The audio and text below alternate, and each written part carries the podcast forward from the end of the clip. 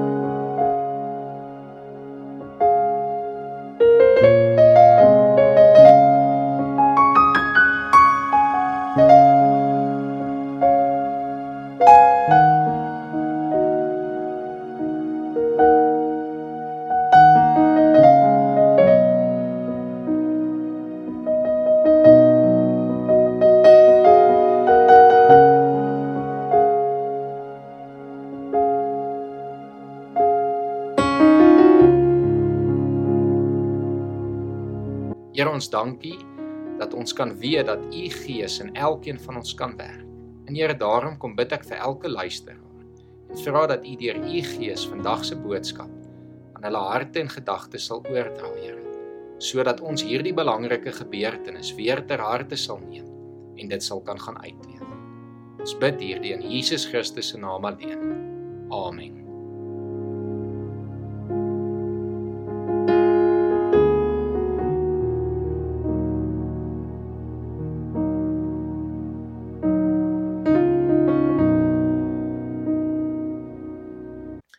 Ons gaan vanoggend saam lees uit Handelinge 1 vanaf vers 1 tot 11. Julle is welkom om daar in julle eie Bybels oop te maak.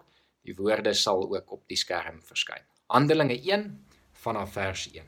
My eerste boek Theophilus het ek geskrywe oor alles wat Jesus gedoen en geleer het, van die begin af tot op die dag van sy hemelvaart. Voordat hy in die hemel opgeneem is, het hy deur die Heilige Gees beveel gegee aan die manne wat hy as apostels uitgekies het.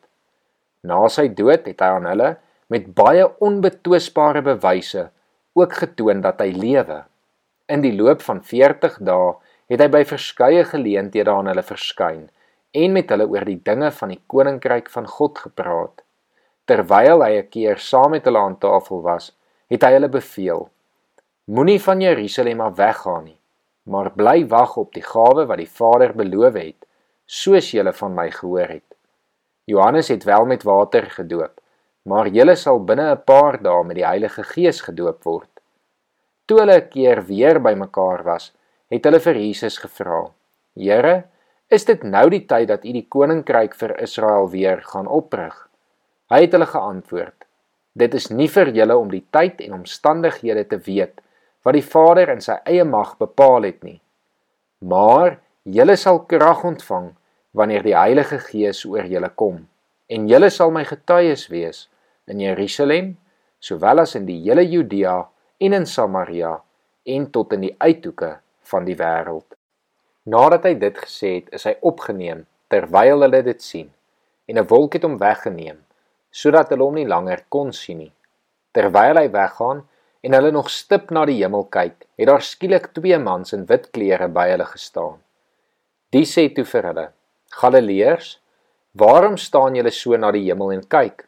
Hierdie Jesus wat van julle af na die hemel toe opgeneem is, sal net so terugkom soos julle hom na die hemel toe sien opgaan het. Hulle sê elke goeie storie het 'n begin, 'n middel en 'n einde. Ek grap sop. Hulle sê eintlik dat elke goeie storie 'n begin, 'n agtergrond vir die storie, 'n ontwikkeling van die storielyn, 'n opbou tot die klimaks, 'n klimaks self en 'n goeie einde het. Die beste storie van alle tye. Die goeie nuus vir hierdie wêreld. Die verhaal van Jesus Christus. 'n Ware verhaal voldoen aan al die vereistes van 'n goeie storie. Ek vermoed egter dat ons as gelowiges 'n bietjie sukkel om die klimaks en einde van hierdie verhaal reg te plaas, te verstaan en oor te vertel. En daarom wil ek vanoggend vir jou vra om vir oomblik na te dink oor waar plaas jy die klimaks van Jesus se verhaal. My vermoede is dat baie sal sê die kruisiging. Die kruisiging is die klimaks. En alhoewel dit reg voel en baie van dit wel reg is, is dit maar net die begin van die klimaks. Dis eintlik nog deel van die opbou van die klimaks. Jesus se kruisiging is een van die belangrikste gebeurtenisse, maar dit is nog nie die klimaks nie. Jesus wat gekruisig word is deel van die goeie nuus wat ons vir mekaar moet oorvertel. Jesus wat sterf sodat ek en jy nie as gevolg van ons sonde uiteindelik die doodstraf hoef te kry nie. Maar hierdie storie het nog baie kinkels en draaie om te maak. Soos byvoorbeeld Jesus wat 3 dae later uit die dood uit opstaan. Hoe is dit nie vir 'n klimaks nie? Niemand het dit aanvanklik sien kom nie. Jesus staan uit die dood uit op. En hierdie gebeurtenis is vir ons so belangrik en dit is hoekom ons Paasfees vier. Hoekom ons bly is die Sondagmôre, want hierdie gebeurtenis, die opstanding uit die dood, bevestig vir ons dat Jesus die dood oorwin het. Dat die dood geen houvas meer oor ons as gelowiges het nie. Hierdie gebeurtenis maak dit vir ons duidelik dat Jesus lewe en dat ons vir ewig saam met hom kan lewe. Maar ook hierdie is nog nie die volledigheid van die klimaks nie. Daar is nog dinge om te gebeur. Ons lees vanoggend en ons weet dit eintlik uit die storie van Jesus dat Jesus vir 40 dae nog aan sy disippels verskyn het. Dat hy hulle geleer het oor God se koninkryk. En dan uiteindelik breek die hemelvaart En hierdie gebeurtenis moet ons met net soveel erns soos Jesus se geboorte, Jesus se lewe, sy kruisiging en opstanding hanteer. Anders gaan 'n deel van die goeie nuus van hierdie verhaal, van hierdie ongelooflike storie uiteindelik verlore. Wat by die hemelvaart gebeur is vir ons as gelowiges verskriklik belangrik. En ek weet baie keer dink ons aanvanklik maar die hemelvaart is 'n dag waar Jesus weggaan. Dit is tog wat die hemelvaart sê, dis die dag waarop Jesus hemel toe gevaar het. En dan voel dit vir ons dis nie 'n rede om voor fees te vier nie, want nou is ons alleen hier. Maar dan mis ons die volle gebeurtenis van die hemelvaart. Die hemelvaart het ook goeie nuus wat ons met mekaar moet deel en vir mekaar moet vertel. Jesus vaar na die hemel toe op met baie goeie redes. En hy verduidelik hierdie aan sy disippels terwyl hy nog geleef het, nog voor sy kruisiging. En daar sê hy vir hulle daar's twee redes hoekom hy weg moet gaan. Die eerste ene is dat hy vir ons 'n plek gereed moet maak. Hy gaan hemel toe om vir alle gelowiges dit gereed te maak, die nuwe Jerusalem in te rig en dit lees ons in Openbaring 21 wat hy saam met hom gaan terugbring met die wederkoms. Die tweede rede is dat hy moet weggaan sodat die Heilige Gees uitgestort kan word. En hierdie gebeurtenisse is wat ons vier dan met Hemelvaart en Pinkster wat ons van hierdie Sondag af ook gaan vier. En hierdie gebeurtenisse is so direk aan mekaar gekoppel dat ek vanoggend so bietjie iets oor Pinkster ook gaan sê en eintlik net gaan voorberei oor dit wat kom wanneer die Dominee Gert met ons hieroor gaan praat. Hemelvaart is vir ons 'n belangrike gebeurtenis. Die hemelvaart is 'n gebeurtenis waar Jesus opvaar na die hemel. Maar hoe Jesus opvaar is vir ons verskriklik belangrik.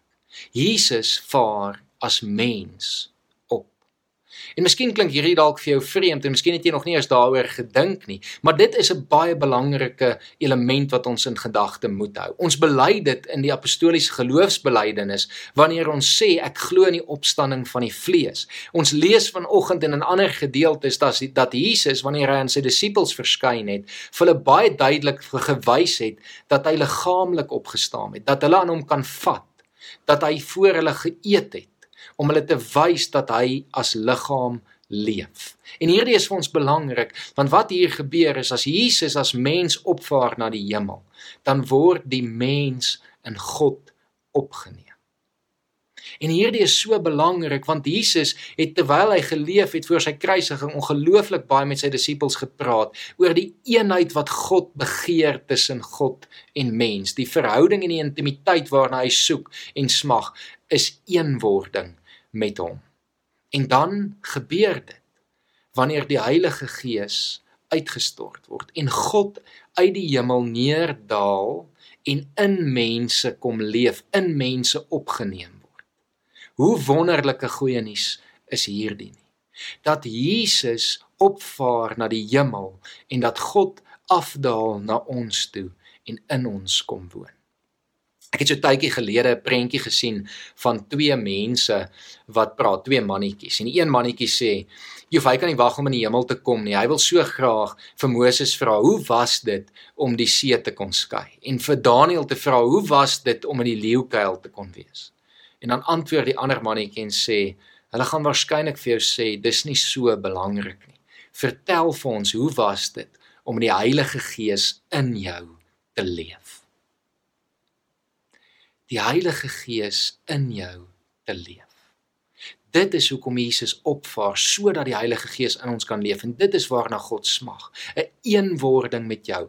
God wil een wees met jou, in jou leef, by jou wees. Daar is nie 'n groter intimiteit en liefde as dit nie. En dit is hoekom die hemelvaart vir ons so belangrik is. Dit maak die weg oop dat die Vader in ons kan wees en met ons kan is. En dit is die goeie nuus wat ons met mekaar moet deel. Dit is die klimaks van hierdie ongelooflike verhaal van Jesus Christus. Ja, die kruisiging en opstanding is ongelooflik belangrik en dit speel so groot rol. Maar dis net deel van die klimaks. Die klimaks eindig nie daar nie en daarom moet ons erns maak met die hemelvaart en met Pinksterfees sodat ek en jy uiteindelik geesvervuld kan leef. Dominee Gert gaan vind ons meer daaroor praat.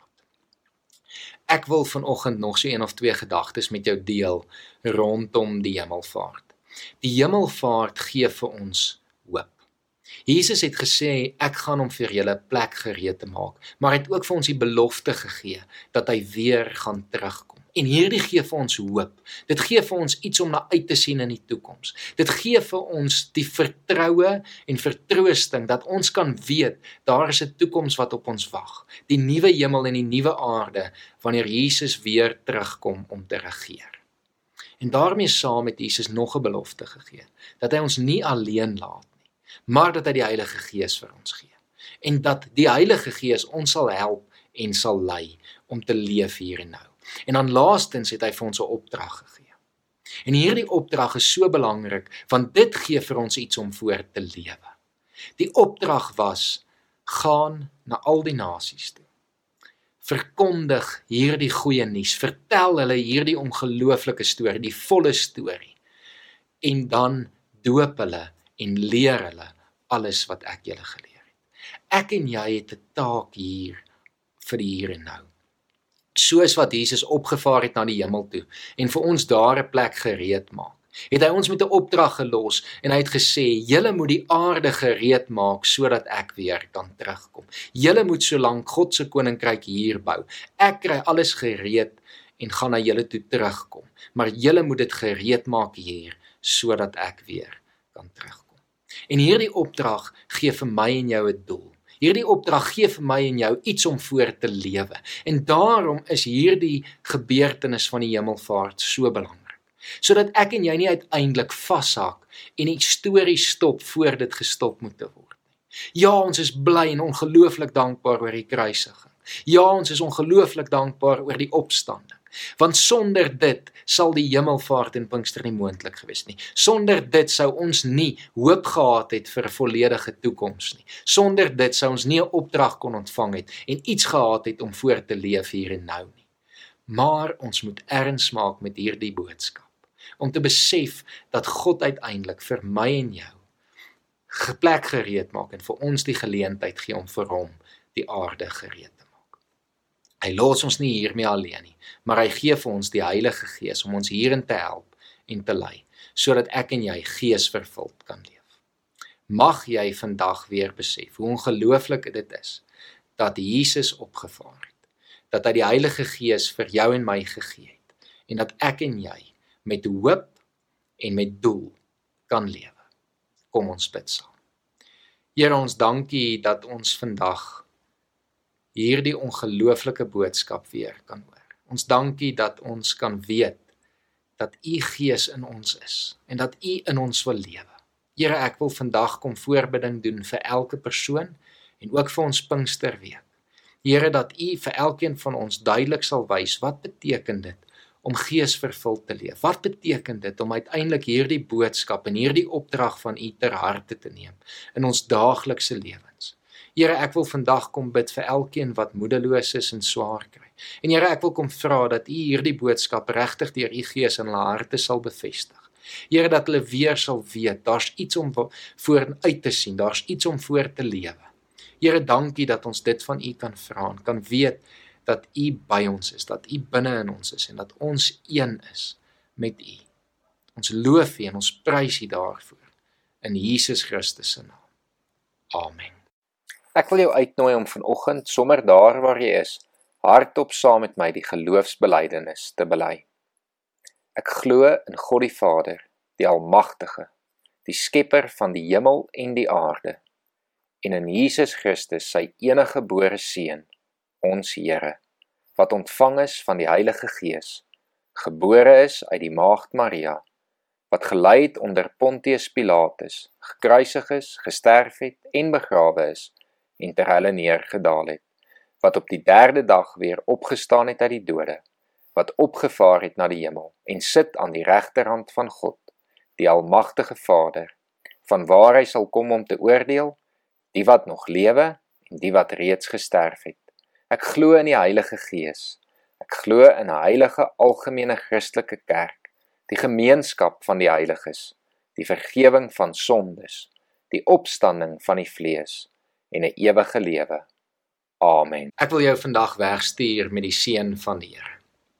Mag die genade van God ons Vader en die liefde van sy seun Jesus Christus en die gemeenskap van die Heilige Gees by elkeen van julle wees. Amen. thank you